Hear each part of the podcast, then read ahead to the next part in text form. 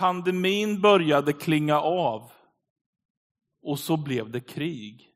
Tar det aldrig slut? Är det någon mer än jag som har känt så? Att det är lite väl mycket. Och ondskan grinar så illa emot det när man ser på tv-sändningar hur barn och kvinnor flyr, hur män blir kvar för att strida. Och jag minns den där bilden på tre 18-åriga killar som stod på kö för att rekryteras och bli soldater, träna några dygn och sen kastas ut i kriget vid frontlinjen. Det är en kamp mellan gott och ont i vår värld. När jag åkte tåg för ett antal år sedan hamnade jag bredvid en kille i svarta kläder. Och då såg jag på hans underarmar att han hade den onde tatuerad. Ja, man vet ju egentligen inte hur han ser ut, men det var en sån där typisk bild på hur man tänker sig den onde på ena armen. Och på andra armen hade han Jesus med törnekrona och blodet rinnande. Och jag sa till honom, jag är lite nyfiken, varför har du de här tatueringarna? Då tittade han på mig och sa, jag har inte någon särskild religiös övertygelse, men de här två tatueringarna har jag gjort, för de symboliserar hur jag upplever mitt liv. Det är en ständig kamp mellan gott och ont. Utan att gå i kyrka och utan att ha en biblisk världsbild, så hade han ändå känt in, det är en kamp. Och den pågår inte bara långt där borta, den finns i mitt eget liv. Ibland känner jag att livet är fullt av sånt som drar mig neråt. Har ni upplevt det här någon gång? Bottenkänning. Det är verkligen så jobbigt och trist. Allt som går emot. Men det finns också sånt som drar uppåt, som är gott och ger hopp. Och det där satt jag och tänkte på när jag metade. Är det någon här som har metat någon gång? Ja, precis. Vad har man då om man har ett spö? Och på det har man en lina. Och vad har man sen? Flöte och längre ner sänker jag. Så är det när man metar. Och då tänkte jag när jag satt där och metade, så är det ju också med livet. Det finns sånt som är sänke. Sånt som drar ner oss mot djupet och ner mot det mörka. Men samtidigt som sänket vill dra neråt finns det ett flöte som drar uppåt och som ibland börjar dansa när det är fångst. Så tänker jag att livet är gott och ont, ljus och mörker, hopp och hopplöshet. Kan ni känna igen er i den bilden? Då ska vi läsa en bibeltext som går rakt in i den här känslan av kampen mellan gott och ont. Gud och djävul, ljus och mörker, gott och ont. Och vi läser från Romarbrevet 8. Jag menar att den här tidens lidanden inte kan jämföras med den härlighet som ska uppenbaras och bli vår. Själva skapelsen väntar och längtar efter att Guds barn ska uppenbaras. Skapelsen har ju blivit lagd under förgängelsen. Inte av egen vilja utan genom honom som lade den därunder. Ändå finns det hopp om att även skapelsen ska befrias från sitt slaveri under förgängelsen och nå fram till Guds barns härliga frihet. Vi vet att hela skapelsen gemensamt fortfarande suckar och våndas. Och inte bara den, utan också vi som fått anden som förstlingsfrukt suckar inom oss och väntar på barnaskapet, vår kropps förlossning. I hoppet är vi frälsta, men ett hopp som man ser uppfyllt är inte längre något hopp. Vem hoppas på det han redan ser? Men om vi hoppas på det vi inte ser, så väntar vi uthålligt så hjälper också anden oss i vår svaghet. Vi vet inte vad vi borde be om, men anden själv vädjar för oss med suckar utan ord. En suckarnas predikan. Kom ihåg killen med tatueringarna, en ständig kamp mellan gott och ont. Eller bilden av flötet och sänket. Det finns sånt som vill dra ner mig, men också sånt som vill dra upp. Och här talas det om hela skapelsen, hela tillvaron i ett suckande tillstånd. Tänk dig en vacker sommardag. Solen skiner på den glittrande sjön. Du är ute och går och känner redan värmen på morgonen. Men så kommer du in i din stuga och där hittar du morgontidningen. Och du börjar bläddra fram och tillbaka. Och plötsligt kastas en helt ny bild av tillvaron emot dig. Tidningarnas svarta rubriker talar om kaos, katastrofer och framtidshot. En värld som mår allt sämre. Och så ser du, vi lever i en orolig tid. Vi hör om krig och kriser i Mellanöstern och Ukraina och på en rad andra platser. En skenande marknad, ekonomi, ekonomier på gränsen till konkurs.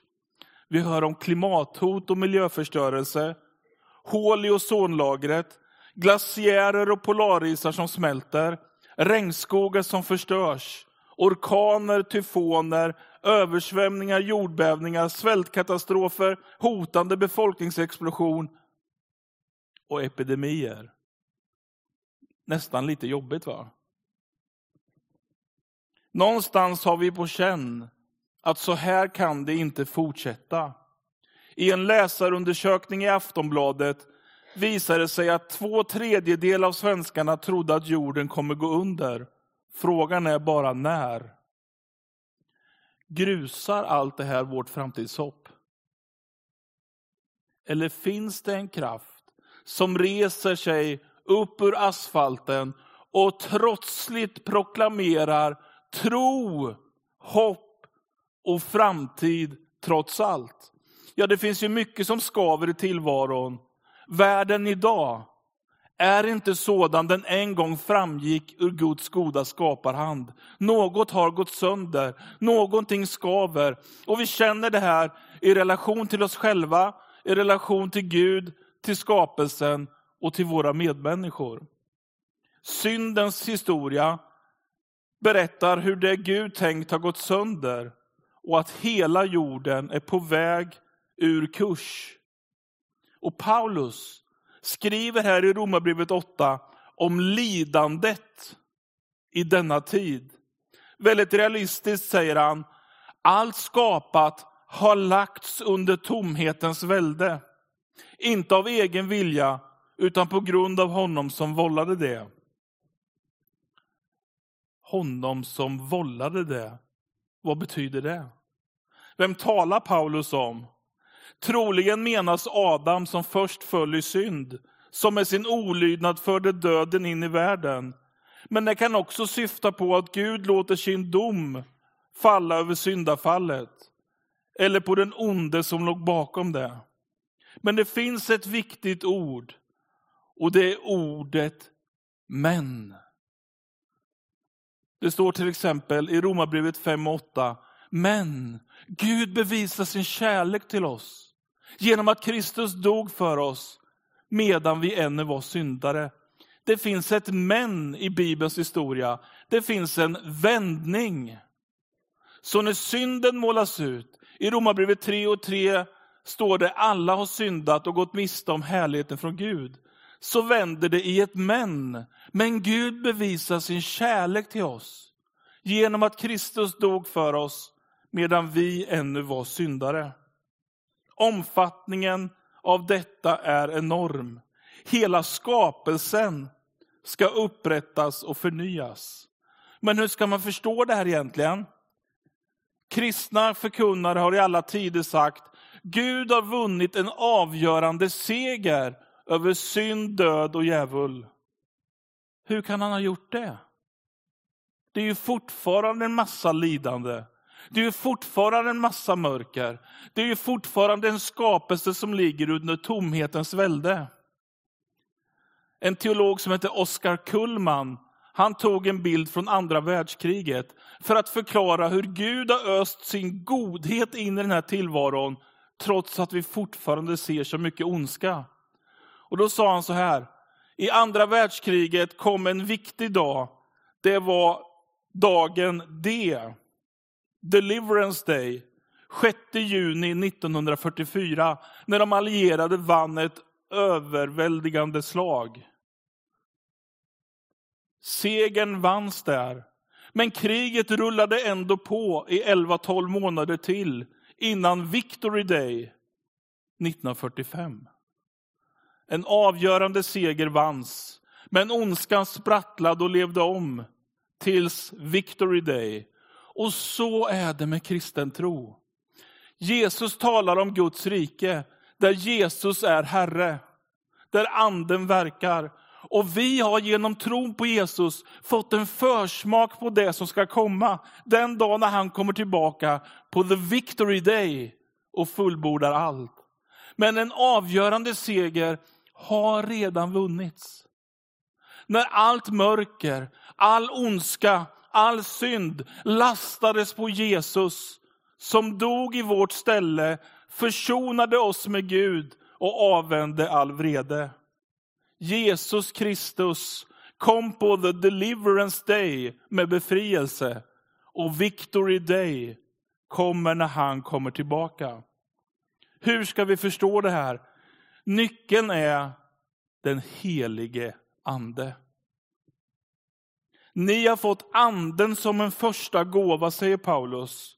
En förstlingsfrukt, alltså det första man hittade av skörden. En förstlingsfrukt var den första delen av en större skörd som Israels folk gav till Gud. Ett uttryck för att allt djupast sett tillhör honom. Och Paulus säger, anden är en första gåva, ett tecken på något mycket större, försmaken av den kommande tidens härlighet. Och Paulus liknar också anden vid en handpenning. När William ska köpa en Tesla här om ett tag, då kanske han måste lägga en handpenning, en del av summan i förväg, som en garant på att det kommer mer. Är ni med på bilden? Genom tron på Kristus får du helig ande som gåva. Guds egen närvaro i dig.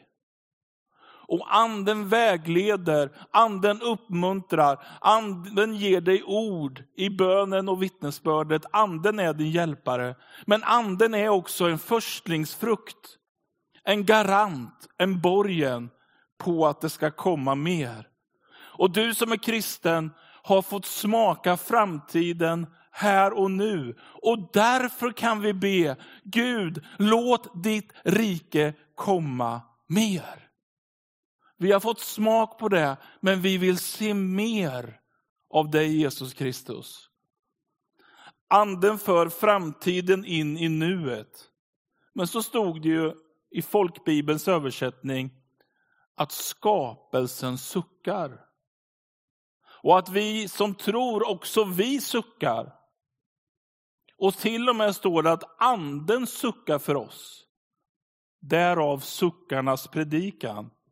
Varför denna suckan? Är inte det lite väl vemodigt? Nej, Paulus vet att vi lever i spänningen mellan det som är och det som ska komma.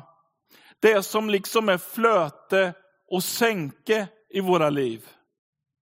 En spänning mellan lidandet i denna tid och den härlighet som ska uppenbaras och bli vår.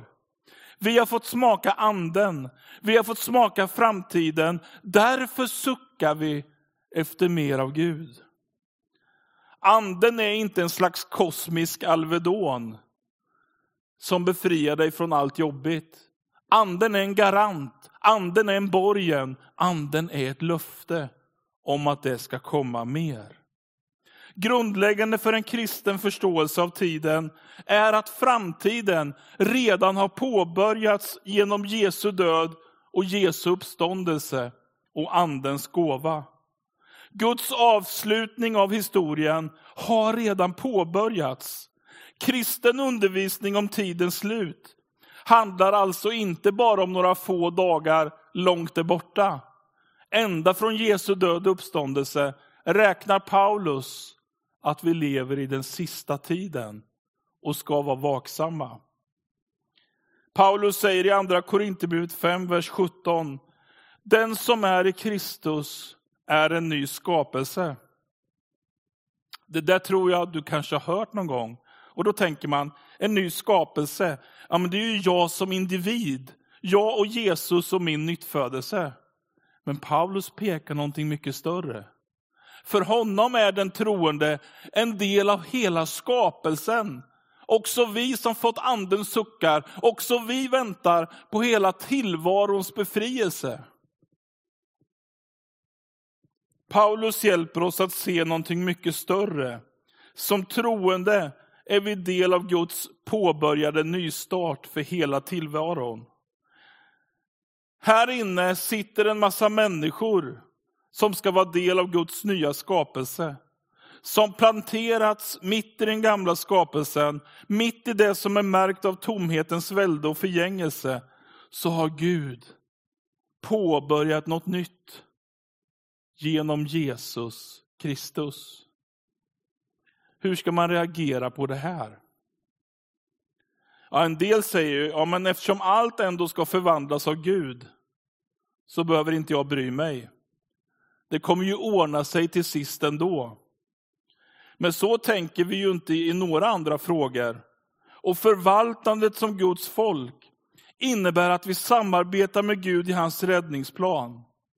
Både genom förkunnelse, befrielse av människor som kommer till tro, diakoni när vi socialt och praktiskt hjälper andra och genom engagemang för skapelsen.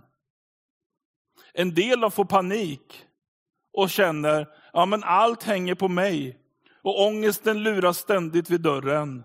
Det finns ingen framtid om vi inte skärper oss. Men det blir ju en helt inomvärldslig framtidsbild som bara räknar med oss själva. När Paulus pekar på ett liv där vi lever av och för Gud. Gud har smittat ner hela tillvaron med längtan efter befrielse. Och hans framtidsplan är påbörjad, men ännu inte avslutad. Är ni med?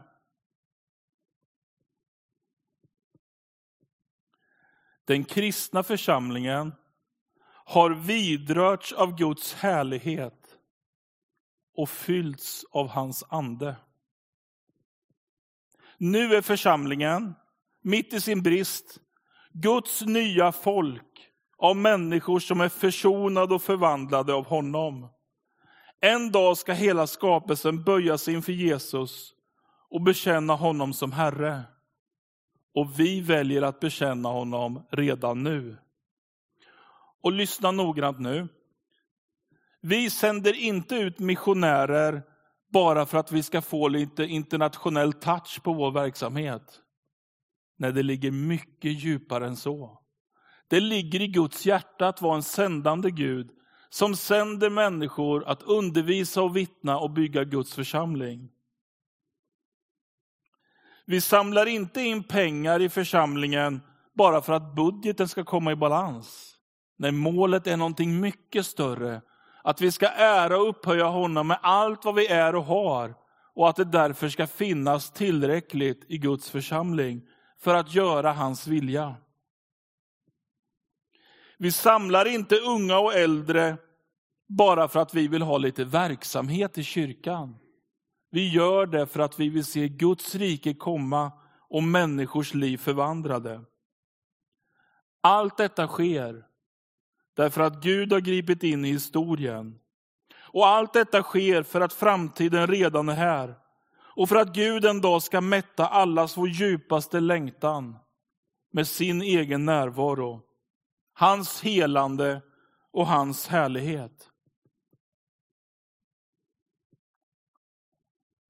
Jag satt en gång i ett samtal med en man från västkusten, utifrån öarna utanför Göteborg. Och så sa han till mig, Daniel, vet du? De fiskare som jobbat i decennier, gått ut med båt och fiskat långt ut i havet, de kan känna doften av land långt innan de kan se det. Om dimman ligger tät så kan de ändå känna doften av hemmahamn innan de ännu har fått se. Och det där sammanfattar lite vad jag vill säga här idag. Tillvaron är under ett lidande, tomhetens välde. Vi bara överöses av nyheter, av ondska och krig. Men, säger Paulus, Vi har fått framtiden in i vårt hjärta. Vi har fått smaka Guds härlighet. Vi har fått någonting som gör att vi suckar med skapelsen, suckar med anden efter befrielsen. Och vi känner doften av himmel innan vi ännu är framme. Och Paulus säger, vem hoppas på något som man redan ser? Så hoppas vi genom tron på Kristus och Andens närvaro. Vi ber. Herre, tack för detta verkliga framtidshopp. Tack för att du har gripit in i tillvaron och hela skapelsen. Och vi läser i Romarbrevet 8 att skapelsen suckar efter befrielse. Att anden suckar i oss och att också vi som fått smaka försmaken av himlen, också vi suckar efter befrielsen och härligheten. Tack för den här ungdomshelgen. Tack för att den får smitta av sig här i vår gudstjänst, där vi får smittas av hoppet. Hoppet om framtiden som bär oss. Nu ber jag dig för alla unga människor som har varit med här under helgen. Tack för det du har planterat in av tro och törst efter dig, om att få följa dig Jesus. Jag ber om din välsignelse över oss alla. I Jesu namn. Amen. Välkomna lovsångsteamet upp. Och kanske du finns här som känner igen dig i bilden av flötet och sänket. Det finns sånt du upplever just nu som vill dra ner dig mot mörkret. Dra ner dig mot en bottenkänning. Det är sånt som känns jobbigt. Det kan gälla dig själv. Det kan gälla en granne eller vän eller någon familjemedlem. Vi vill be tillsammans med dig att hoppets Gud får gripa in. Om du sitter i den här gudstjänsten och ännu inte har tagit emot Jesus i ditt liv, då kan det här bli den bästa dagen i ditt liv. När du säger till en förebedjare, jag vill bli en kristen, be för mig. Eller om du har ett behov till kropp eller själ, så vill vi be också för dig.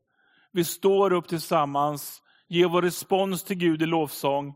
På min högra sida vid ljusbärarna och på vänstra sidan kommer det finnas förebedjare. Och vi vill be att hoppets Gud ska röra vid ditt liv, hur än dina behov ser ut. Välkommen i Jesu namn.